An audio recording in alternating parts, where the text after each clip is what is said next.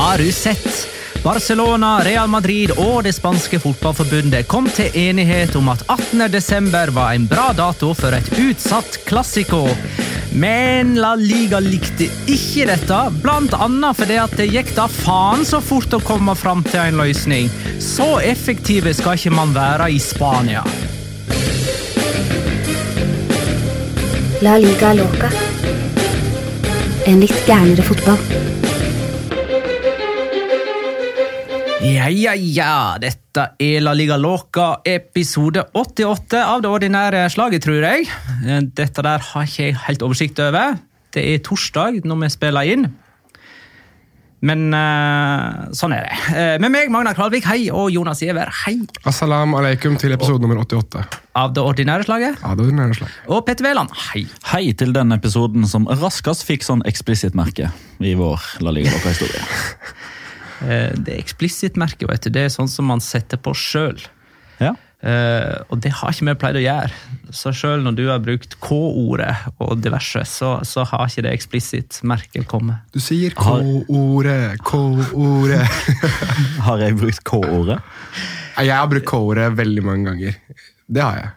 Det er det som begynner på eh, K og slutter på uk. Ja. Det har jeg brukt en del. Jeg vet at Magna har brukt et Det har ikke jeg. Over, kåke, sånn så Ja, ja, kåke. nei. Men det er jo et ordspill. Ja, ja, det skjønner Du jeg. brukte men, det en gang da vi snakka om hvordan PSG kom til å rote vekk i gåsehauget en oh, ledelse ja, i Champions til å- League. Er det til? Det er det jeg har gjort også ved en del anledninger. Eh, men uh, ja, uh, dere var jo i Baskeland i helga helge og syntes det var så trivelig å være der at dere var der såpass lenge at vi ikke rakk å spille inn episode mandag. Ja, Det var vel strengt tatt Lufthansa som kuka det til, men Beep. Der har vi merke. ja. Da, sånn som jeg forstår det, så Vi har jo studiotid i moderne medier. Mandager 18 til 20, og dere hadde planlagt å lande på Gardermoen 18.10. Så ettersom flyet var litt mer enn ti minutter forsinka, så rakk ikke dere innspillingen. da. Det stemmer. ja, Litt mer enn ti minutter forsinka, men det er greit, det. Jo, jo, men hadde det vært 11 minutter forsinka, så hadde det fortsatt ikke rokket innspillingen. Ja, og Da hadde det blitt, det hadde blitt episode. Men det var kjekt, da, eller? Ja, det var veldig kjekt. Det var, Dere eh, var og så tre kamper, så vidt jeg forstår, i Eibar. Ja. Og i eh, San Sebastian. Ja. Og i eh, Bilbao. Jonas syns faktisk ikke noe om Eibar. Nei, men eh, jeg og du har vært i Eibar òg, Petter, og var med så entusiastiske over Nei, vi var jo litt sånn eh, I hvert fall jeg var uenig med meg sjøl. Men Jonas var liksom bare Nei, dette var ikke noe å reise tilbake til. Ja, jeg synes ikke, det, det ble litt for lite for en storbygutt. Sultanen. Sultanen Det ble for lite for sultanen. Ja, det gjorde det. Men jeg må, men jeg må si at jeg synes kontrastene på Iporoa var kjempemorsomme. fordi var, Jeg satt jo på den øh, Ikke den siden der spillerne kommer ut, men på andre siden. Og da var det veldig sånn interessant å skue øh, Antoine Griezmann, Luis Suárez og Lionel Messi. og i, litt, litt lenger bak i horisonten så så jeg en trailer kjøre forbi. Det var, liksom litt, det var, eh, det var litt deilige kontraster, så fotballopplevelsen vil jeg anbefale absolutt alle I horisonten. Den gata er jo ikke så altså Den motorveien passerer rett bak hovedtribunen. Du satt på den, du satt på den tribunen som er ved der høyblokken? da? Det er mulig, ja. ja. Ja, så, og Da ser man jo egentlig rett opp på motorveien som passerer rett over taket ja, er- på eh, hovedtribunen. Det var litt uh, Jeg så over brillene mine, vet du, så var det horisont og ikke bak. Men, nei, men det, det var kjempegøy. Jeg, jeg synes, altså, opplevelsen, Fotballopplevelsen på Iporoa er jo fantastisk uh, altså Den er jo spesiell. Den, Det, det skal godt gjøres å komme nærmere de store stjernene Ja. til Barcelona enn ved å sitte på Iporoa. Mm, definitivt. Det var veldig gøy. Jeg synes Opplevelsen anbefaler jeg absolutt alle å, å unne seg, egentlig. Men uh, det, er ikke, det er ikke akkurat et det er ikke feriedestinasjon nummer én. Det er det ikke. Så ærlig skal jeg være. Jeg syns heller om San Sebastian da. Den er, eh, det er en by jeg har blitt veldig glad i på veldig kort tid. Var det sånn på San Sebastian, i San Sebastian, ved eller på eller i Anueta, at eh, det smalt eh, ved skåringa? Det gjorde det. Ja, det gjorde det. Ja. Vet ikke hvorfor det smalt, egentlig, men det smalt. Ja, men Det er vel litt sånn som de holder på sånn i Napoli òg, ikke det? Det har blitt en sånn greie. Det, det, det her har Sid Lowe har jo skrevet en fin eh, artikkel om Real Sociedad denne veka her, og det han skriver er at det der stammer fra gammelt av, fordi at eh, ved å smelle sånne kanoner ved skåringer, Ah. så kunne han opplyse folk på båtene i Biscayabukta om stillingen. Som ett smell var for en bortelagets skåring, og to smell for heimelagets skåring. Smalt det da Betis skåra? Jeg husker ikke om de gjorde det. Jo, det gjorde vel det. Ja, Jo, for da husker vi Oi, hva var dette her? ja riktig, riktig. riktig. For Ja. Det var første Ja, Ja, riktig. Men det er kult med litt sånn uh, bakgrunnshistorier. For jeg husker jo også at uh, da vi var i Eibar, uh, da hadde vi jo òg blitt kjent, tror jeg, via Vid Lowe sine tekster i Guardian, med den derre tåkeluren eller hva det er for noe, som, som piper hver gang det blir scoring for Eibar. Nå fikk ikke vi høre den, da. Men det var jo den gamle lyden som man brukte i sin tid da man skulle på skift. Mm. Altså når skiftarbeiderne skulle enten gå av eller på eh, skift på den lokale våpenfabrikken. Så ulte jo denne her for å gi beskjed til byens eh, arbeidere da, om at nå er det på tide å enten komme seg på jobb eller gå fra jobb. Og Den har jo fotballklubben Eibar eh, fått, og hver gang Eibar skårer, så går, det, så går det signalet ut Ja. til resten av byen. Hæ. Eh, ellers så eh, kan de kanskje fortelle litt om eh, ting man får med seg på fotballkamper som man ikke får med seg når man er på, ser det på TV. Jeg hører ikke har mye varmt å si om Nabil Fekir, f.eks. Eh, Jonas. Nei, men Kan vi ikke starte, kan vi ikke starte med din istedenfor? For din er, den er morsommere, egentlig. Ja, det- Inigo Cordoba sin Men, men, eh, ja, men det er egentlig to. Eh, Det var jo en eh, i Real Sociedad Real Betis òg, men jeg kan begynne med Atletic. da. Eh, Ja. og så får Mot Valladolid, ja. Atletic mot Valladolid. Eh, og Jeg har egentlig lagt merke til det på TV-en òg, men eh, man blir enda mer oppmerksom på det når man ser eh, Inigo Cordoba spiller fotball. Eh, og Jeg nevnte det til eh, Jonas og Øyvind og et par andre som var på kampen der, at det, det er et eller annet med det løpesettet der, men så klarer jeg ikke helt å sette fingeren på, på hva det er. for Jeg klarer ikke helt å beskrive hva som går galt når Inigo Cordoba spurte. Men vi fant vel ut eh, etter litt sånn drodling fram og tilbake at det ser ut som at han må drite på seg. Eh, at han rett og slett må bare løpe samtidig som han strammer skinkene for at dritten ikke skal flomme ut. Og klarer heller da, som en konsekvens av det ikke å løfte klær, knærne sine ordentlig.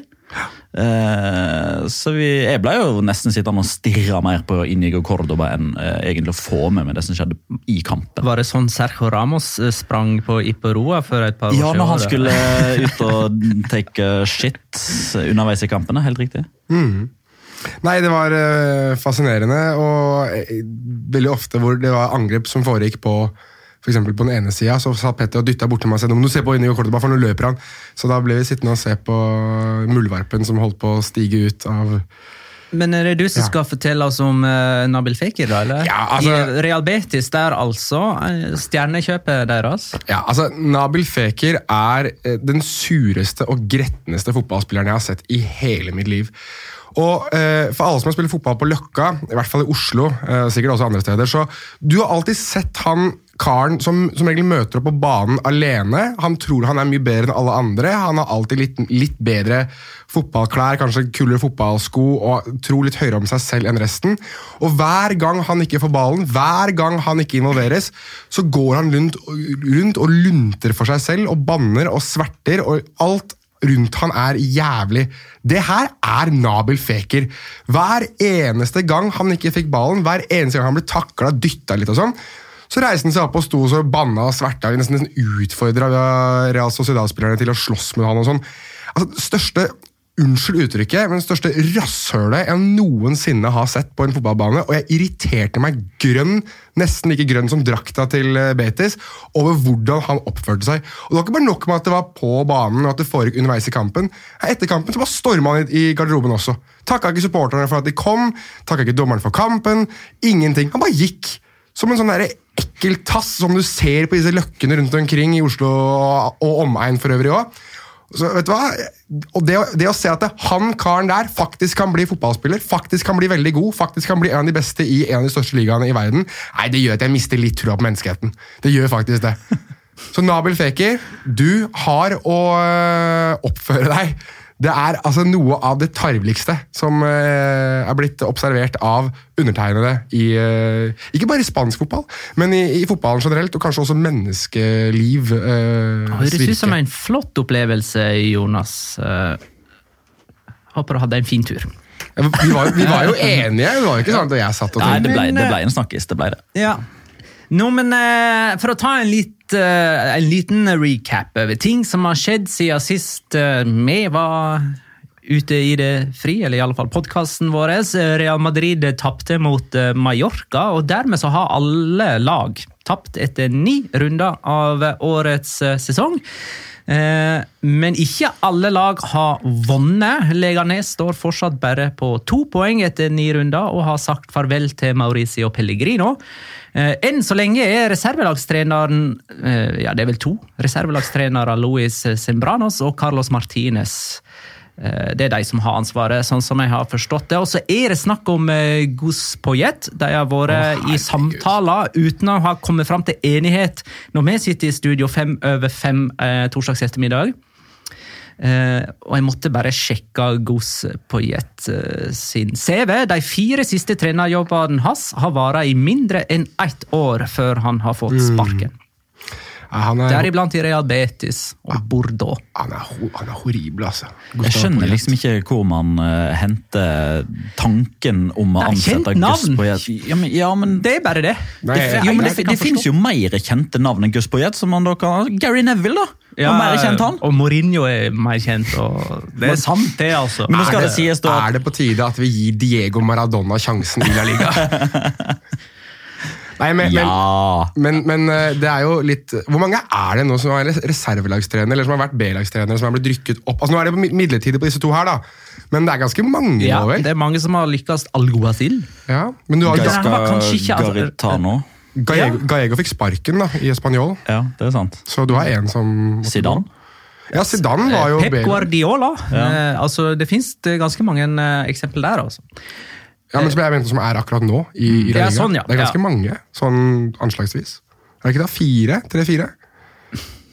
Ja, I hvert fall tre. Ja. Jeg syns det er ganske mange. Anyways.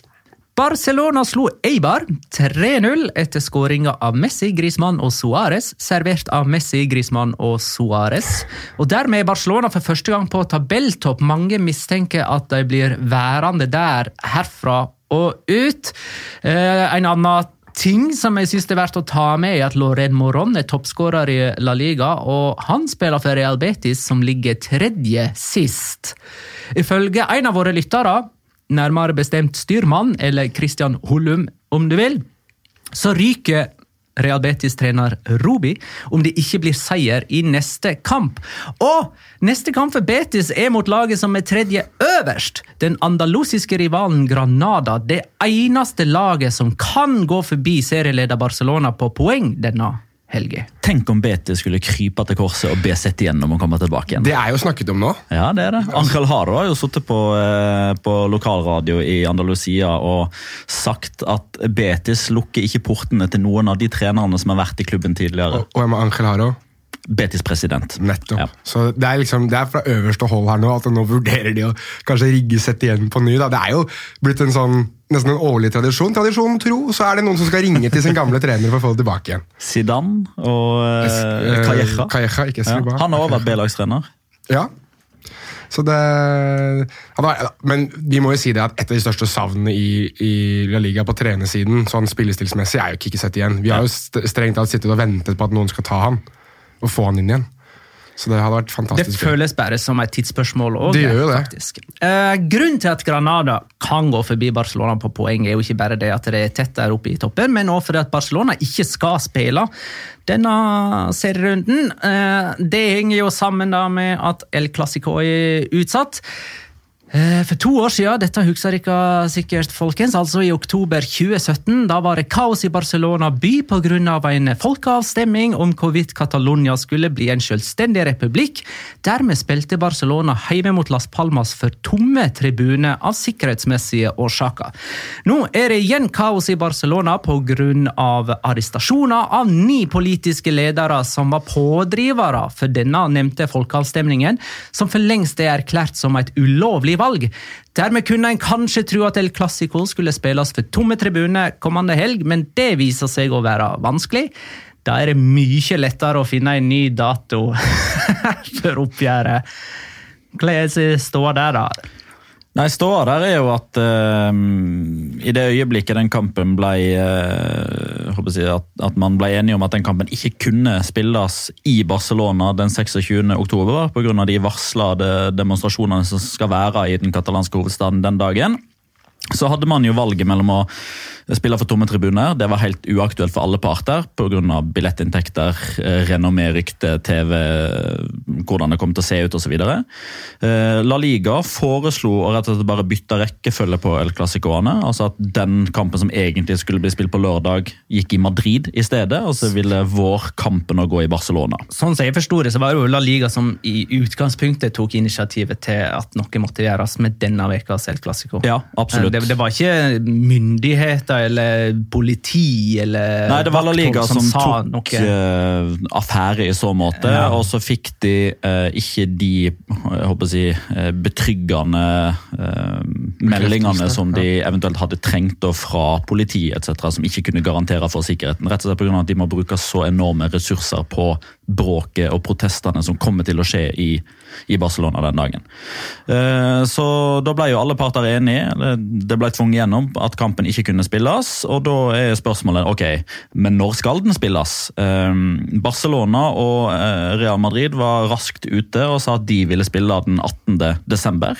Det er en onsdag. Da er det full Copa del Rey-runde, men de to lagene spiller ikke. På grunn av at de to lagene, Valencia og Atletico Madrid, de har fått fripass de to første Copa del Rey-rundene fordi de spiller Supercopa de Spania i januar. Uh, og Det uh, var konkurransekomiteen i det spanske fotballforbundet helt enig i, og det er i utgangspunktet de som bestemmer dette. her. Så det er vedtatt, men La Liga har anka den avgjørelsen. For de mener at uh, El Clásico bør gå i helg. Ja ikke midtuke, så de har i utgangspunktet foreslått 7. desember. Som eh, er først og fremst for å Da kan man legge kampen til klokka 13.00. Mm. Som de har lova overfor eh, de som eier TV-rettighetene i Japan, Kina, Korea, eh, Australia etc. Det ville i så tilfelle betydd at eh, to andre kamper, altså Real Madrid og Barcelona sin kamp som egentlig skulle bli spilt den helga, skulle bli flytta til 4. Uh, og 4. desember er andre valget, at de flyttet den til 4. desember i stedet for den 18. desember. Rett og slett fordi den 18. desember så spilles det 56 kamper i Copa del Rey, som ingen kommer til å bry seg om hvis El Clásico blir spilt den kvelden. Ja, men, og 4. desember, sånn som jeg har forstått det på de siste meldingene, det er liksom den første ledige datoen som ja. La Liga da bruker som argument for at når du utsetter en kamp, så flytter du den til den første ledige datoen. Altså, De er veldig innbitte på at det ikke skal skje den 18. desember. Mm. Og Når begynte La Liga å ta så voldsomt hensyn til Copa del Rey? Nei, det... Som jo er spansk det, forbundet sin ja, turnering. Det det. Nei, dette, altså... her, dette, skjønner jeg faktisk ikke. Nei, men Det er jo bare for å være uenig. Ja, eh, og så skal vi jo òg eh, ha i mente at El Clásico det er en showkamp. Ja. Eh, altså, det er en oppvisningskamp for hele verden, der den spanske nasjonen og kulturen og fotballen i seg sjøl skal vise seg fra sin beste side. Så det må jo ha vært noe her med at La Liga som jo tenker produkt og reklame og det å vise seg fra sin beste side for verden. Eh, frykter at, at um, asiater og, og, gjengen skulle få et dårlig inntrykk av uh, La Liga hvis kampen gikk føre seg på kamp nå med banner som sier kun diktatur arresterer politiske ledere, som jo har vært et banner på kamp nå denne sesongen, mm. f.eks. før Inter-oppgjøret i, i, Champions League. Jeg føler La Liga her på et eller annet vis frykter det budskapet mer enn at det blir sånn håndgemeng mellom supportere utenfor stadion, eller at kollektivtrafikken sliter pga. Eh, store folkemengder etc. Det er nok én ting, ja. Og så er det vel uh, den 18 som, det er, som du nevnte, Petter, det er vel en onsdag. Og Det de også frykter, er jo det at det blir mangel på interesse fra et asiatisk marked. og Åpenbart så vil det jo være større interesse hvis en kamp spilles i en helg tidlig en helg kontra å spilles midt i uka. Ja, men da, Skulle man det, tro, det, det er fall. da jeg ikke skjønner hvorfor de insisterer sånn på denne 4. desember. Nei, altså, det er jo en onsdag. Førstevalget til La Liga er 7. desember, som er en lørdag. Ja, det, og, og, og så Og kommer så fjerde. fjerde. Ja. Og, så, Heller fjerde enn 18., og de sier at det er pga. Copper del Rey. og eh, hva, skal vi forvente oss nå? Det er jo ikke bare er de uenige, men eh, det La Liga skriver, er jo at de skal finne ut hvilke rettslige steg de kan ta mot hvem. ja, mot hvem? Det virker, altså, ja, men det, det, det skal de- skriver de de splitte faktisk regninga, De veit ikke hvem de skal gå i rettssak mot, og hvilke argument de skal ta med seg inn i Altså, de, rettssaken. de har tapt. Altså, de, komiteen, altså, sportskomiteen er enige, klubbene er enige, alle vil flytte til den 18., men det er bare Teba som sitter og Nei, vi skal ha det den 7., vi skal ha det den 4. Da sa Hold kjeften din og sett deg ned og la dem spille 18. Det er liksom, Jeg har, le, jeg har lest noen argument her altså, fra La Ligas side, men jeg klarer ikke å se at de er reelle. Jeg føler de holder noe tilbake for oss. Jeg, jeg tror det først handler om den der markedsstyrken som eh, Vi skal videre inn på et annet tema her som også styr, styrker det poenget. da, at eh, jeg tror at de anser det som enklere å markedsføre den kampen på de datoene til et annet marked enn senere. Altså, det, det åpenbare her er jo at eh, denne sesongen her så har jo La Liga allerede tapt ansikt voldsomt overfor det spanske fotballforbundet ved at de tapte mandagskampen. De har tapt ansikt og de har tapt store pengesummer fordi de har solgt en TV-pakke som de ikke klarer å holde. For i TV-pakken som er solgt til alle, inkludert Strive her i, i Norden, så har en mandagskamp vært fast inkludert. Altså Dere får et produkt fredag, lørdag, søndag, mandag. Men nå er mandagen borte. Og i tillegg eh, så er altså Grunnen til at denne her utgangspunktet ble lagt til klokka ett på en lørdag, er som vi har vært inne på nå, for at eh, den ene El Clasicoen skal i hermetegn gis til Asia, mens den andre klassikoen skal i hermetegn gis til Amerika. Altså enten 13 eller 21. Det er tidspunktene El Clásico kommer til å Altså, bli spilt. vi, det, bare sånn, Når du forklarer det på den måten, her, så tenker jeg mer at vi begynner, vi begynner dessverre og nå kommer jeg til å motsi meg selv senere i episoden, men vi begynner å gå fra El Clásico til El Plastico. Når det her er sånn det har blitt. At du, du må belage hele eh, hele rammen for kampen på bakgrunn av to markeder som ikke engang har noen ting å si for selve landet kampen skal spilles i. det er ganske sykt altså, når du tenker over det. Og denne høsten her så har vi altså hatt så mye usikkerhet rundt uh, spilleskjema. F.eks. at vi trodde jo innledningsvis at det kom til å være mandagskamper, de bare plutselig forsvant. Nå vet vi ikke hvor tid første El Clásico går. Uh, og så er det jo snakk om Atletico Madrid via Real i Miami. Ja. Uh, og det, så vi vet ikke om Atletico Madrid via Real går på Wanda Metropolitano eller i Miami, og heller ikke helt når. Eh, Er det noen som har fått med seg hvor eh, Supercopa de Spania skal spilles i januar, eller? Saudi-Arabia, ikke det? Det er ikke bekrefta. Så vi veit ikke. Men det er det som er altså, Ja, Det ser ut som at det er de som betaler mest. Ja, det er jo Men det er ikke offisielt bekrefta. Nei, det er jo ikke det, men samtidig jeg bare Det er tre måneder til. Altså, jeg, jeg, jeg tenker jo at det er veldig Jeg vet ikke om vi skal over på det her nå, men jeg syns jo det er bra at La Liga ønsker å, å utforske nye markeder. Det synes jeg er fint, fordi at det vokser også fotballkulturen. Og det er egentlig La Liga i seg selv har jeg alltid ment at det har vært et produkt som har vært ganske underkommunisert. da, altså Kontra sånn som for Premier League har vært, sånn som Serie A tidvis var, i hvert fall mot amerikanske markedet. Bundesliga ikke like mye, men La Liga har alltid på en måte vært Spania, Spania, Spania, Spania og Sør-Amerika. Sør-Amerika, det var jeg skulle til å si. Deler av Latin-Amerika. Det har vært de eneste to, og nå ønsker de virkelig å involvere verden.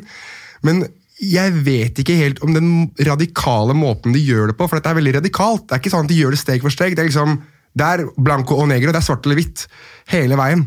Og det, Jeg vet ikke om det på sikt kommer til å gange dem, eller om det kommer til å ødelegge eh, det produktet enda mer. da. Fordi de virker så kommersielle. For øvrig en liten shout-out til Gerard Piquet, som var suspendert mot Eibar nå fordi han skulle spille et klassiko, men som nå ja, stå over den kampen nå må han ta en ny kalkulering. Og ja, spørs om han rekker å få fem nye da innen Rekalibrering av antall gule Ja. kort nå for uh, Gerard Piquet. Uh, omvendt shout-out, da, en positiv sådan til Dembélé, som egentlig skulle være suspendert i El Clásico, men som nå er suspendert mot Valladolid i stedet. Var det ikke Barcelona som la inn eh, Jo, de la inn protest, protest på mot den? Ja. Eh, hvis, eh, hvis vi skal se litt mer sportslig på det, så har det jo blitt eh, populært å liksom spekulere i hvem eh, Er det Real Madrid eller Barcelona denne utsettelsen her gagner best? Er det ikke Barcelona, Barcelona sitter jo igjen med et helvetesprogram. da. Eh, jeg husker det ikke i huet, men det er Atletico Madrid, Barcelona, Inter og Borussia Dortmund kommer på rad og rekke, slik det ligger an nå. Hvis kampen spilles 18., vel. Så Ja, men Vi må nesten ta utgangspunkt i det at eh, det ikke blir kamp denne helga her, og bare det. Eh, For eh, vi vet jo ikke når det faktisk blir. da. Real Madrid tapte jo sist helg som sagt mot Mallorca. og Spilte jo med kniven på strupen nå mot Galatasaray, og i Madrid så melder man jo at Zinedine Zidane allerede synger på siste vers, og José Mourinho er på vei inn. Det er jo fantastisk gøy, da, synes jeg. Eh, ikke at Zidane er den som må gå, men at vi i hvert fall Mourinho nevnes igjen, og at hans, hans ånd på en måte våker over Santiago Bernabeu fortsatt. Det synes jeg, altså, Si hva man vil om fotballen og, og, og Mourinhos eh, symbolikk til, til den moderne fotball, at det kanskje ikke er like positivt, men du vet at det er gøy. Du vet at det blir intriger, du vet at det blir drama, du vet at han kommer til å si ting i pressen som alle kommer til å sluke rått, som kommer til å bli diskusjonstema en hel uke. altså José Mourinho er en gave for fotballen, kanskje ikke alltid i det positive, men du vet at du får masse å prate om, og at det blir masse oppmerksomhet. Men er det reelt altså, er det så ille for eh, Mourinho, nei, for eh, Zidane, og er Florentino Perez virkelig så glad i eh, Mourinho? Altså, veldig, veldig, veldig, veldig, veldig ofte så er det sånn at det er ingen røyk uten ild. Eh, og de som var liksom de som gikk i bresjen for dette her, det var jo eh, El Chiringuito. En gjenganger i dette programmet, på godt og på vondt. Uh, oftest på vondt fordi vi tuller litt med hva slags type program det er. Men når det kommer til å ha kilder i Real Madrid, type Edu Agirre, José Pedrerol, José Luis Sanchez, José Felix Diaz Altså det er the main man på, uh, the main men på, på Real Madrid som melder dette her.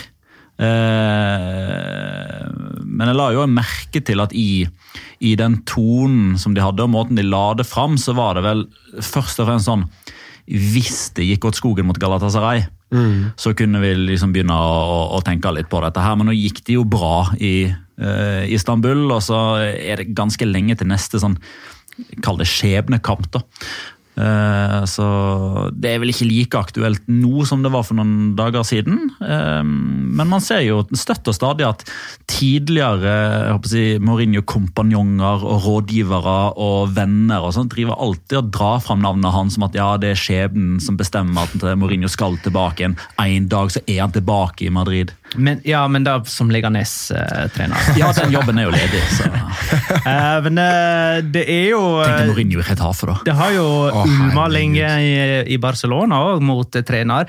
Ter Stegen skal uttrykt et ønske om et lagmøte etter kampen mot Slavia Praha for å diskutere de svake spillemessige prestasjonene. Eh, Og Magnus Øy, som er Barcelona-supporter, skriver til oss eh, Dere kan få en nærmest umulig nøtt av meg. Nevn tre managere, uansett alder, status og nåværende jobb, som kunne ha gått inn i nåværende Barcelona-lag og gjort en dårligere jobb enn Valverde, rent spillemessig. Gary Neville. Chris Robin Eriksen, som er eh, Valencia-fan, svarer eh, Gary Neville, Gary Neville og Gary Neville. Gary Men nå har jo du da nevnt eh, Gus Poyet og Tony Adams, i alle fall. Alba Celades. Celades, så faktisk! Woo! Jo, men altså, eh, jeg har fått en eh, statistikk tilsendt fra J. Hoieggen. Eventuelt Høyeggen. På eh, antall kilometer løpt av de 32 lagene i Champions League denne uka her, altså tirsdagens kamper og onsdagens kamper. Eh, Bayer Leverkosen topper med 121 km. Leipzig og Atletico Madrid følger som nummer to nummer tre på 117. Nederst av alle Barcelona 100,4 km. Altså det, det, det, det er et halvmaraton i forskjell på Bayer Leverkosen og Barcelona. Ja, det er jo, men, Det er klart, Noen må løpe minst. ja, men du må også huske på bare, Nå skal ikke jeg forsvare Barcelona. Eller, Ja, ja, det er klart sånn- Messi dasse. Jo, jo, det er, men det er en ting, men noe de har klaget over i lang tid i Barcelona, som har på en måte vært en, et tema, er jo den der ekstreme preseason de hadde. Hvor de måtte farte litt rundt og Men det har jo Alle har jo det nå. Atletico har det, Real Madrid har det, Juventus har det. Altså, alle driver og reiser fram og tilbake. og... Gjennomsnittsalder og sånn er høyere i Barcelona. Jeg vet ikke om det, om det blir sånn. Du løper smartere enn du løper mer. Jeg vet. Noen ganger så får vi spørsmål og innspill fra lyttere som virker å være eh, nesten eh, samarbeid, eh, uten at de vet om det. Eh, Jon B skriver til oss Hva er grunnen til at Messi alltid ser etter Suárez hver gang det oppstår en målsjanse, når noen andre er i bedre posisjon til å skåre mål? I går, I går så var det i alle fall helt åpenbart, åpenbart hva som var grunnen. Ok, da får du ta det etterpå. Nå skal jeg ta det Bendik Diesen skriver til oss. Eh, kan vennskapet til Suárez og Messi være negativt for spillet til Barcelona? Mot Praha så det ut som Messi på død og liv skulle eh, spille gjennom Suárez, Ja. og alle andre løp og bevegelser ble nærmest ignorert. Yep. Grismann må jobbe mer for sjansene sine enn Suárez. Det var det du hadde tenkt å si? Ja, i, og eh, med trykk på 'i hvert fall i går' eh, Ja, okay. Praha. For nå er det jo faktisk sånn, og du blir jo ikke over, du har sikkert fått det med deg, du og Magna. Du blir i hvert fall ikke overraska, Jonas, fordi jeg stilte deg et spørsmål i en eh, annen podkast for litt over en måned siden, med hvor mange ganger jeg kunne se Frihetens regn hvis han ved siden av skulle sitte og se eh, alle minuttene med fotball Luis Suárez har spilt på bortebane i Champions League uten å skåre mål. Ja. Det var tolv og en halv gang. Eh, For å ta et annet, da, for å stjele en fun fact fra eh, vår eh, alles kjære guru Mr. Chip. Vet du hvor mange ganger, eller på hvor mange forskjellige språk du kan se The Joker på kino? I løpet av den tida Luis Suárez nå har spilt fotball på bortebane uten å skåre mål? Fordi at det målet var sjølmål, det som Ja. ble skåra nå. i- Det var sjølmål av. Peter Olajinka. Du kan se den på 15 forskjellige språk. si 14, skulle jeg til å si. 15 forskjellige. Han har ikke skåret på bortebane i Champions League siden september 2015 mot, Roma. Ja, mot Roma. Og det er så helt sinnssykt åpenbart at det går Altså Det vet han, det er han fullt klar over. Han brenner tre gigasjanser, og i tillegg så spiller Messi bort ballen en tre-fire ganger. I et forsøk på å spille eh, Luis Suárez i, i skåringsposisjon, når eh, både Griezmann og Dembélé har vært i enda bedre posisjon. Vi tar en kjapp en til slutt her fra FPL. Oi. I år igjen. Hvem skåra mest denne sesongen? Benzema eller Suárez? Jonas. Jeg må ha med meg Benzema, eller? Petter. Benzema. Og Benzema på meg òg. Da går vi videre. Eh, for Det skumle med at eh, Barcelona og Real Madrid ikke spiller denne helga, det er at når helga er ferdig, kan de fremdeles være nummer én og to med eh, denne hengekampen. og Sånt tar seg ikke særlig bra ut på en tabell, syns jeg. For laget som er nummer tre, det er Granada. og Selv om de har åpna formidabelt, og deres motstander til helga er Real Betis, som har vært ræva, så regna med Granada som gjester der oppe i det toppselskapet. De er liksom ungene som må gå til sengs klokka ti når eh, de voksne er i ferd med å starte festen eh, for alvor. Eh, Og Som nummer fire finner vi Real Sociedad, som altså skal møte Celta Vigo borte. Um, og helt ned på femteplass eh, så finner vi de vi hadde tenkt skulle være klassiko-utfordrerne. Eller utfordrerne til disse klassikoklubbene. Atletico Madrid. Og de møter Atletic Klubb hjemme. Og Atletico skårer altså færre mål enn antall kamper de spiller. Og nok en eh, korrelasjon her mellom eh, lytterspørsmål. Eh, Alexander Larsen spør jeg, hvem skal skåre målet for Atletico Madrid, og hvem mener ikke Atletico burde forsøke å signere i januar? Og Marius Sundsvik eh, skriver om Haaland skulle ha tatt steget til La Liga, i hvilken klubb hadde han passa best? I Helt tilfeldig at jeg setter de to spørsmålene Ja, sammen. Nei, for å ta det, ta det første først der. Det er jo bevist at det, det er bare å bytte en Thomas Partey, så blir det jo scoring til slutt. Uh, han har gjort det i hvert fall tidligere denne sesongen, så jeg får sette en knapp på ham. Men, eh, men, men altså, det er et veldig godt poeng, og det er flere som har brakt det opp, at Braut Haaland i Atletico Madrid, spillestilsmessig, og sånn som han er, da, eh, så hadde han passet perfekt inn i det systemet til eh, Diego Simione. Jeg tror ikke det er der han ender opp, men det hadde vært vanvittig moro. Erling. Braut Haaland har skåra flere mål i Champions League enn det Atletico har. Mm. Han har skåra flere mål i Champions League enn det Real Madrid og Valencia har til sammen. Han er også eh, for øvrig kun to mål unna å tangere totalsummen som Eden Azad har skåret i Champions League i løpet av sin karriere. Eden Azad har hatt åtte mål han, for Lill, Chelsea og Real Madrid i Champions League. Den eh, er temmelig elendig. Eh, det er vel eh, mer naturlig å tro at han går via Leipzig eller noe, han? Det er det jeg tror. Ja, Hvis han tar den interne snarveien der, så, Så det er det både mening. logisk og for så vidt fornuftig òg. Ja, jeg tenker det. Men uh, Atletico, eh, fakta er nå i alle fall at uh, de har spilt uavgjort i sine siste tre seriekamper. Uh, de har spilt uavgjort i fire av de siste fem seriekampene. Klarte jo å krangle til seg en seier mot eh, Leverkosen da med Morata. Nei, Joe Felix er skada nå i hvert fall ja, et par uker. han er jo ute etter dette oppgjøret mot Atletic. Og der er du en som potensielt kunne ha skåra. Altså, ikke det at han har vært noen målmaskin, han heller, men det er jo litt sånn de fattige blir fattigere hva angår eh, måltrussel, i hvert fall. da. Eh, greit nok om de får gang Morata, så er jo det en Men- fantastisk glede, men jeg, dere vet jo Hvor lenge skal de få han i gang, egentlig? Har ikke det gått ganske lang tid der de liksom skal få han i gang? Vel, preaching to the choir, Magnar, for jeg har sittet her og sagt i hvert fall nesten en hel sesong at Alvor Morata skjønner jeg ikke hypen rundt. Altså, Jeg skjønner det ikke, enkelt og greit. Jeg, greit, det, er, det har vært et potensial der. Jeg kan være helt enig i det. at Han, har, han så veldig bra ut tidligere i karrieren sin. Men han er 92 år gang, det er jeg også. Jeg, altså, jeg blir 28 neste år. Hadde jeg vært 28 år som fotballspiller og ikke hadde vært bedre enn det Alvor Morata er, så hadde jeg ikke spilt i en klubb som Atletico Madrid. Kom igjen, da. Ja, ja, men når du har muligheten, så Ja, men Du sier ikke sånn 'Nei, jeg er ikke god nok for Real Madrid'. Men det, begynner, det er nærmere Nikola Kalinic enn det er Radamel Falcao hva angår Atletico Madrid-spisser. ass. Det er vel sant. Det tror jeg faktisk er helt sant. Ja, takk. Eh, Radamel Falcao skåra jo opp mot 30. Ja, det gjorde det. Men uh, greit. Eh, et annet lag vi trodde skulle være i topp fire-sjiktet sånn nå. Uh, det er Valencia som eh, spilte uavgjort mot nettopp Atletico Madrid eh, sist eh, helg. Kunne man ta noe ut av eh, den kampen der, eller? Altså, Er det to haltende lag, og ferdig med det? Ja, det er jo det. Eh, Nå så jo verken meg eller Jonas den kampen med lupa, eh, i og med at det var i etterdønningene av Eibar og Barcelona, med litt eh, Ja. mat og venting på toget og diverse. Men sånn som jeg forsto det, så var i hvert fall førsteomgangen til Atletico Madrid veldig bra. Og det var fortjent at de leda, men så er det det at de, de skårer liksom ikke nok mål til at det noen gang blir safe. Og da er det bare et frispark som skal til, og en eh, frisparkeksekutør av Dani Parejos i klasse, og så er det plutselig 1-1, og så er det to poeng tapt igjen. Og det holder, har skjedd litt for ofte. tre. Altså, de holder, altså, Valencia er jo nær en scoring helt på slutten der. også Og så husker ikke helt hvem det var i farta, men det er nærmere Valencia-seier på slutten enn det er Atletico Madrid. Greit nok skade på Joao Felix, og da hadde de jo brukt alle byttene sine, så de spilte jo med ti mann eh, i ganske lang tid der òg.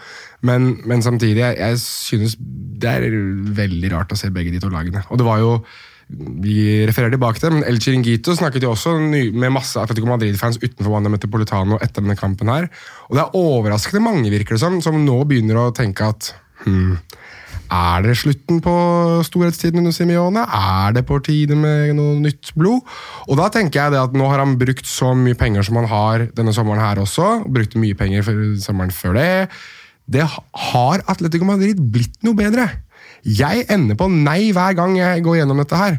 Og da lurer jeg litt på, er det riktig mann som sitter ved roret da? Jeg elsker Diego Simione. Jeg synes at hans mantra og væremåte og spillestil er egentlig ganske fascinerende. Men jeg tror også han er en kar som sliter veldig på omgivelsene. og da tror jeg ikke du kan bare hente inn masse nye spillere og få det til å fungere på samme måte som det gjorde i 2014. Da tror jeg du må ha noe nytt. Eh, Valencia møter Osasuna i Pamplona, der ingen vinner, bortsett fra Osasuna. Eh, og så er vel Alemannia ferdig nå. Han er kommet til Barcelona. Ja, ikke, altså Han godeste um, Anil Murthy ble jo sitert på Han, han sa jo på, på åpent kamera at ja, de jobber med å sluttføre kontrakten med ja. mann. Har vel ikke kommet en offisiell uttalelse ennå. men- Nei, det korthuset der, det ramla jo på en måte i sommer, men ramla fortsatt i veldig sakte film. Så vi har jo på en måte snakka om alt det der. sånn at når sånne ting bare blir bekrefta, så må vi nesten bare henvise til det vi sa i august. på en måte. Ja, ja. det- ja, og det ligger der jo som en, som en sånn der eh, våt filler som lukter på på Og det går faktisk ikke an å se Valencia-kamper uten å ha det der eh, som, som et slør som på en måte skygger for alt det Valencia presterer på en fotballbane. Altså, og, og når, ja. det, når det, nå fikk det Kang Inli rødt kort mot Atletico, og så fikk Diakabi rødt kort mot Lill. Og jeg føler vi kan bare sette det inn i den kaoskonteksten som skjer på styrerommet. og Alt liksom er bare Der ligger feilen. Det er, litt åpen, det er litt for åpenbart. Litt sånn som Albert Salades skinnskjegg. Det er litt for åpenbart at det er sånn. Men, men eh, er det for tidlig ennå å trekke noen sånne Celades-konklusjoner? Altså, får han dette til å gå i den retningen han vil? Eh, Må vi gjøre det noen uker før vi kan liksom si noe om det? Jeg er positivt overraska, faktisk. Ja. Jeg, jeg synes at han har har stått i det. Gode resultat skjønner du, Ja. nå i det siste i, i La Liga, og da er det veldig typisk at de ryker på en smell nå mot Osasona. Det. For det at den flyten den må stoppes på et eller annet tidspunkt. Ja, og så er det altså. Fakon eh, som skårer målet. Det er sånn, eh, du skal ha det av Exen-variant. Så Altså, alt kan gå til helvete, det går alt til helvete. All right. Ehm, da er det på tide at vi blir litt eh, nostalgiske før vi ser eh, videre på det som skal skje kommende helg. Det er tid for eh, vår spalte Når da, der Petter i dag skal få lov til å mimre tilbake til en spesiell hendelse i La Liga-historien, og jeg og Jonas skal prøve å sette et årstall på det. Ja, så legger vi fra oss eh, telefoner og Ja, Du skal alltid fram med telefonen når dette skjer. Det er den Jonas. lille tida jeg får lov til å sjekke om jeg har fått en mail. Det har- jeg fra naboen min. Du skal min. ikke sjekke mail, du nå, for du er opptatt med Sånn, er- innspilling av La Liga Loca, episode 88 av det ordinære slaget. Skal vi se hva naboen ville for noe. Gi meg to sekunder, skal jeg sjekke en til. Nei. Satt i gang opprydding av bodene. Dette har ikke noe tid. Nei, eh, vi skal til den 33. serierunden eh, av en sesong. Dere får ikke vite hvilken. Uh, og det er i bunn og grunn en eh, hvilken som helst La Liga-kamp. For det er nemlig ikke noe spesielt rivaleri mellom Atletic og Rating Santander. Atletic higer langt mer mot å mislike Real Sociedad og Real Madrid, mens eh, ja, ingen bryr seg om Racing Santander. De har ikke noen rivaler, egentlig. Eh, tabellposisjonene i forkant av denne kampen var 13 og 11. Det er stor avstand opp til Europacup, betryggende avstand ned til nedrykk, men allikevel så har denne kampen her endt opp i historiebøkene. Og hvorfor det? Jo, fordi etter 19 minutter så fikk Ezekiel Garay gult for en albue. Etter 30 minutter så fikk Pedro Monitis gult for en takling. I det 32. minuttet så får Fran Gjeste gult for holding. I det 33. får José Moraton gult for takling. I det 40. minutt så får Medilasen gult kort for en takling. I det 43. minutt så får Ivan Marcano gult kort for en holding. I det 55. minuttet så får Fran Gjeste sitt andre gule for en takling. I det 57. minuttet får Laslo Sepsi gult kort for en takling. I det 62. spilleminutt så får Ivan Marcano sitt andre gule for en takling. I det 64. minuttet så får Jonathan Pereira gult kort for en takling. I det 69. minutt så får Pablo Pinillos gult kort for holding. I det 70. så får David Lopez gult kort for en takling. I det 78. så får Ander Morillo gult kort for en takling. I det 82. så får Pablo Pinillos sitt andre gule for en takling. I det 89. så får Pablo Orbais direkte rødt for en takling. I det 89. minutt, altså i tumultene som fulgte i etterkant av dette, her, så fikk både Nikola Sigic og Gaiska Tokero gult kort for krangling. Og i det 90. minutt så får Jonathan Pereira sitt andre gule for en takling. 17 gule og 5 røde. Den mest kortrike kampen i La Liga-historien. Dømt av Når da? Hvem dømte den kampen? Det skal han finne ut Og være Monjes du- Fernandes, eller? Nei, det var faktisk ikke det. Det er fordi han er fra Santander, så han får ikke lov til å dømme det. Tror du han var Gijon? Og det samme området, Cantabria. Ja, Cantabria er det. Ja, ja, nå, Da kan ikke han dømme Santander. da. Det kan han ikke. Nei. Nå rykka Racing Santander ned. Det er vel kanskje første clou vi bør tenke på her, da. Nei, Var ikke det sånn 11. og 13. plass, dette?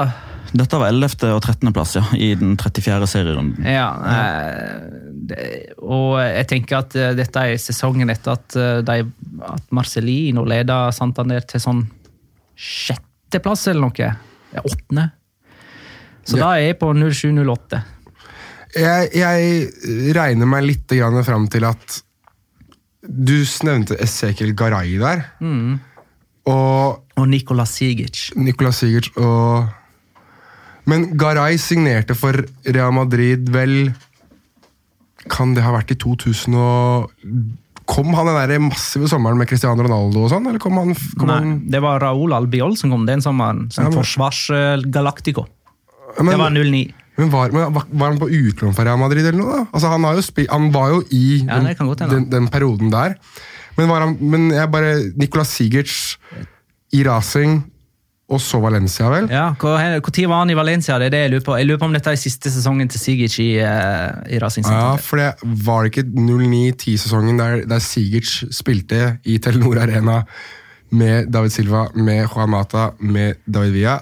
Ja, men jeg er i sjiktet, tror jeg. Eh, Jeg sier 2008. Så du tror det er sesongavslutningen 07-08? Ja. Jeg tror jeg så kanskje 08-09. Stang av papir. Ja. Én. ja. Nei, men teller til tre, sant? og så Ja, ja. gjør vi det på tre. Én, to, tre. Ja, Det ble til 2009. Han tok papir, jeg tok stein. Dommeren i kampen var Gonzales Vaske, og svaret er helt riktig. Hei! 2009. High five. Det er bra. Det som, er, det, som er sy, altså det som hadde vært locoraen i La Liga Loca-episoden etter denne kampen, her, er jo at det deles ut 17 gule og 5 røde i en kamp der Fernando Amorrebieta spiller og ikke får kort.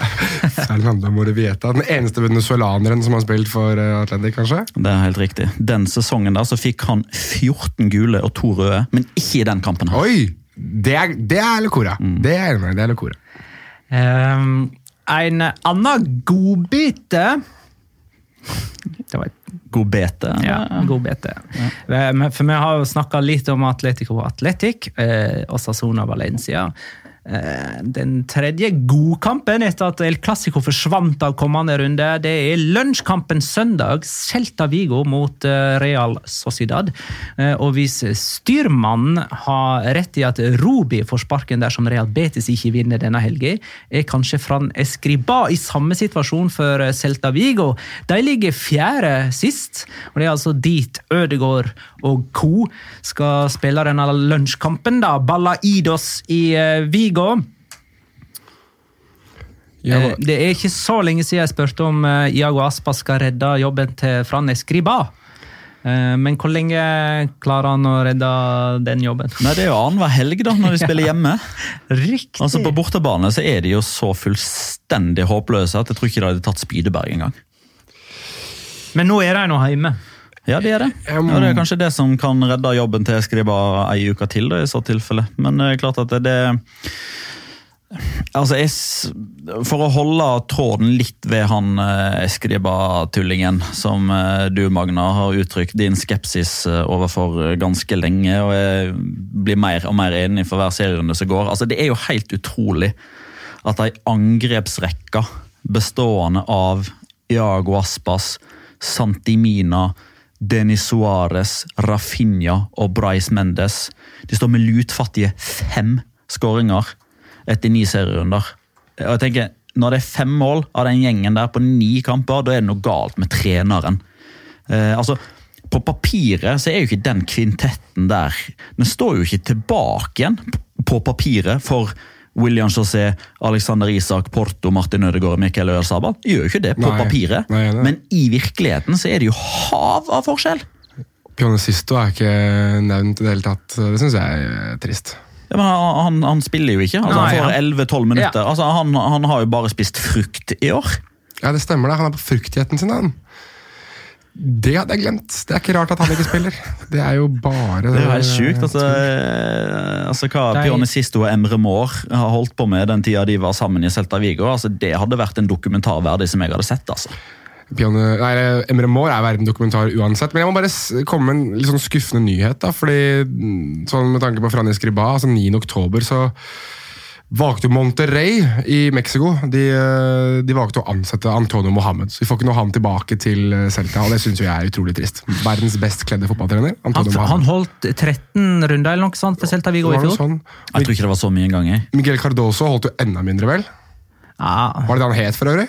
Ja, det var, stemmer det. Det var det hadde tre trenere. Ja. Het han det? Miguel Cardoso, Cardoso, Det var det han het, ja. Fran Escribá redda jo i gåsehauget Celta Vigo fra nedrykk. Akkurat Iago idet Celta eh, Iago Aspas kom tilbake fra Ja. skade.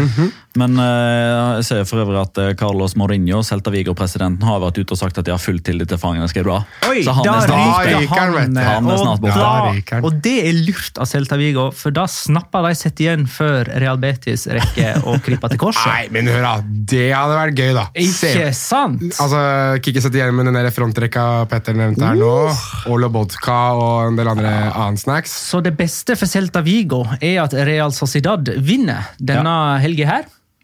Det er faktisk det, altså. Mm. og eh, tilbake til Sid Lowe og denne teksten han skrev for Guardian på mandag. Eh, Real Sociedad er det Altså, han skriver jo 'det beste laget' på engelsk ikke sant, å se på, men så er det kanskje også til og med best. Liksom, best, best, best i Spania for øyeblikket. Det er fall, jeg er i hvert fall veldig enig i at det er det mest underholdende laget å se på. Jeg, Ja, det er gøy å se de spille ball. du må, hvis, du skal se, hvis jeg skal se en kamp, og det er ikke bare fordi jeg er nordmann og har lyst til å se Martin Ødegaard, men det er fordi at de, de spiller morsom fotball. Altså, det er gøy å se de spille. Ja, de slipper inn kanskje ett også, men så skårer de mål, de byr på seg selv. Det er gøy hele tiden, synes jeg. De har karakterer i, i alle ledd eh, på banen. Altså, det er eh, Jeg, jeg synes at eh, Alguacil, sånn veldig tidlig kandidat til årets trener for min del, så er det Imanol Alguacil. Altså, fordi han har fått dem til å spille med, med kreativitet og med en sånn glød som du nesten blir litt sånn sugd inn av når du sitter og ser på det. Du synes det er gøy. Altså, man legger også merke til det på stadion. Og igjen, til alle fotballsportere der ute som hører på det her, ta dere turen til Anoeta, for det er så bra liv der òg. Altså, supporterne er på Det var så ille på et tidspunkt der at jeg satt ved siden av Magnus Bernstrøm, han holdt seg for ørene for det var så høyt. Altså, det er, Lyd, altså. Lydnivået der er ekstremt. Så det er, det er, en, det er en opplevelse jeg eh, Ikke bare igjen fordi Martin Ødegaard er der, men fordi at det er en fantastisk, eh, fantastisk lag og en fantastisk ramme rundt alt det de gjør. Men Alguacil har jo eh, på en måte i strid med det vi frykter, har fått tilsynelatende bra orden på forsvaret. Altså, jeg mener, Vi var jo skeptiske til det forsvaret i utgangspunktet, og i sesonginnledningene her så har det jo alltid vært en skada forsvarsspiller. Og gjerne Diego Llorente, som vi antok skulle være sjefen der bak. Ja. Eh, Og når han i tillegg ble utvist mot Chetaffe, Getafe, så måtte de jo klare seg uten han i påfølgende kamp. Ja, og den kampen tapte de jo på, på, grunn, på grunn av det, faktisk, ja. hermetegn på uh, fordi han ble Jeg utvist. sa og- Levante, som mente jeg Sa jeg Nei, du sa Ja, ja. da har jeg sagt riktig. Ja. Eh, eh, og Moya har hatt et par inngripner i et par kamper som gjør at eh, Det var jo Alex Remiro som sto nå mot, mot Betis. Jeg føler det som det, det grepet de har gjort, eller om det er et grep i det hele tatt, det vet jeg ikke. Det kan hende det har vært planen hele tida. Men det som gjør at man kanskje kamuflerer et eventuelt problem, som vi belyste da med at forsvarsspillerne deres er ikke nødvendigvis det beste. Skal det sies at i etterkant av den påstanden vår, så kom Nacho Monreal. Det har hjulpet veldig på. Han har gått rett inn, og han har gjort uh, Stemmer, hele har- fireren trygg med tilstedeværelsen. Men det som er i hermetegn grepet, da, er jo det høye presset. Altså, de, de forsvarer seg med elleve mann. Eh, det er liksom ikke bare sånn at Forsvaret forsvarer seg, midtbanen skaper og, og, og, og spissen avslutter. Altså, det, det er et kollektiv her, og man ser veldig ofte at den som bestemmer og som setter tonen, det er Martin Ødegaard. Eh, bare sånn for å følge opp den eh, Jeg la seg en statistikk på, på det før jeg skulle kommentere Real Sociedad Getafe.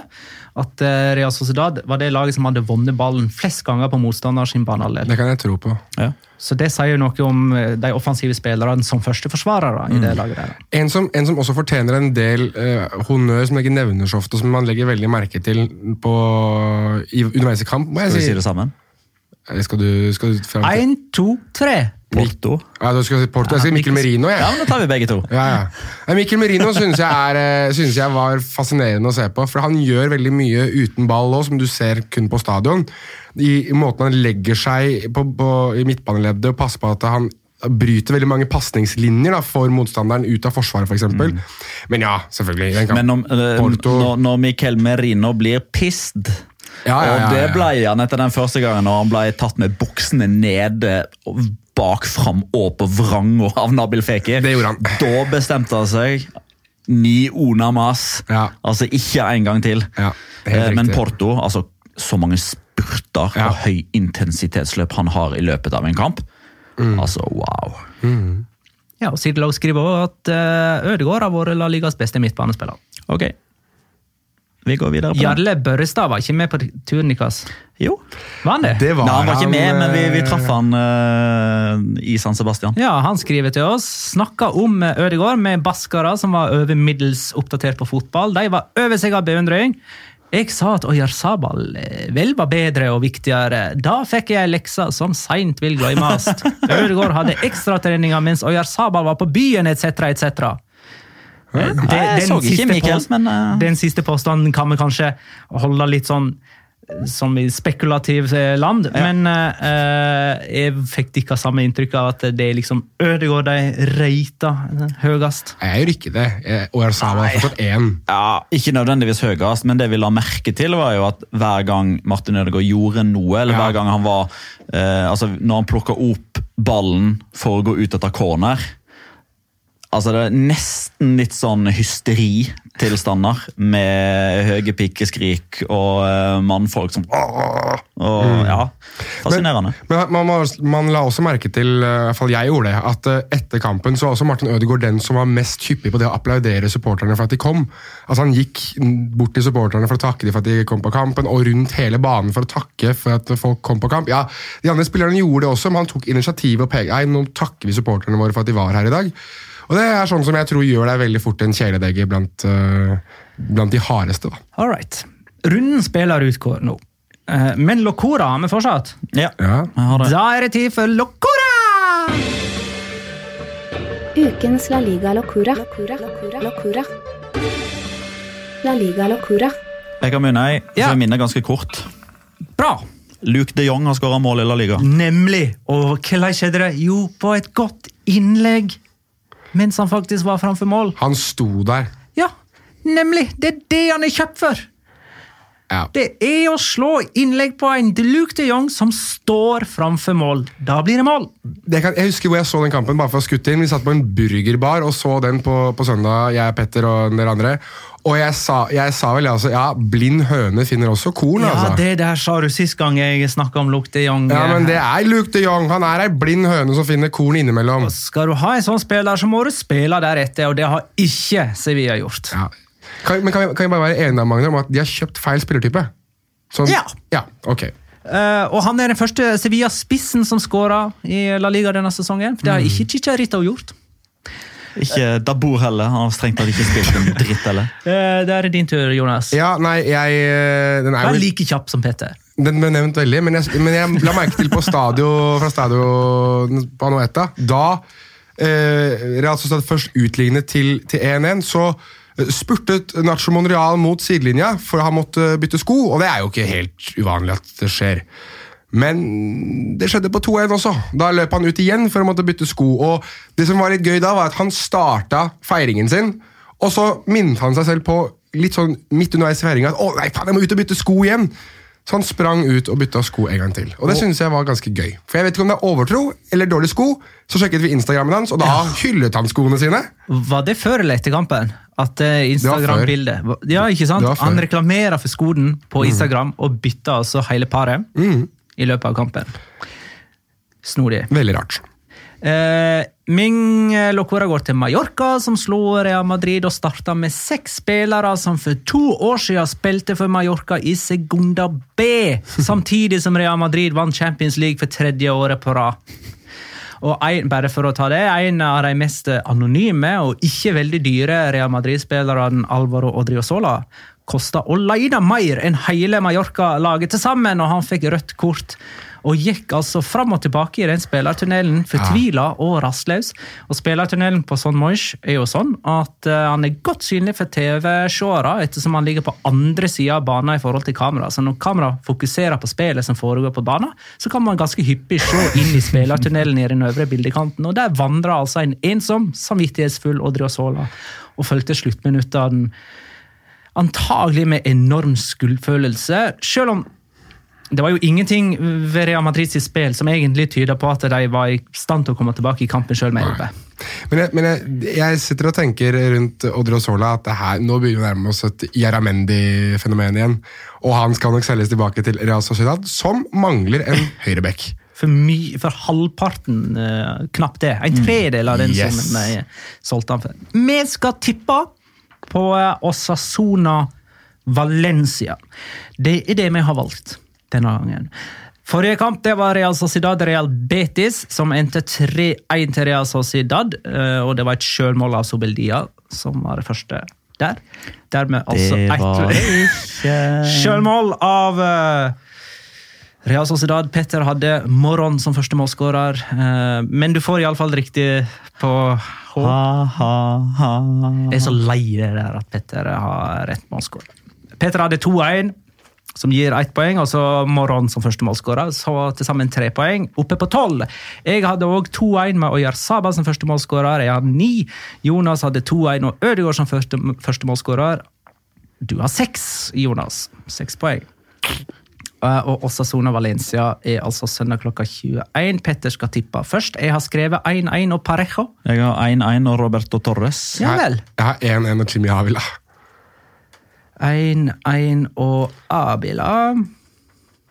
Jeg har 1-2 og Parejo. Greit. Ja, Da ønsker vi alle sammen ei god helg. det gjør vi. For eh, den kommer ut seint torsdag og kanskje fredag. Mm. Så, eh, og så takker vi for alle innspill og spørsmål og bidrag. Takk for at du lytta, kjære lytter. Ha det, da.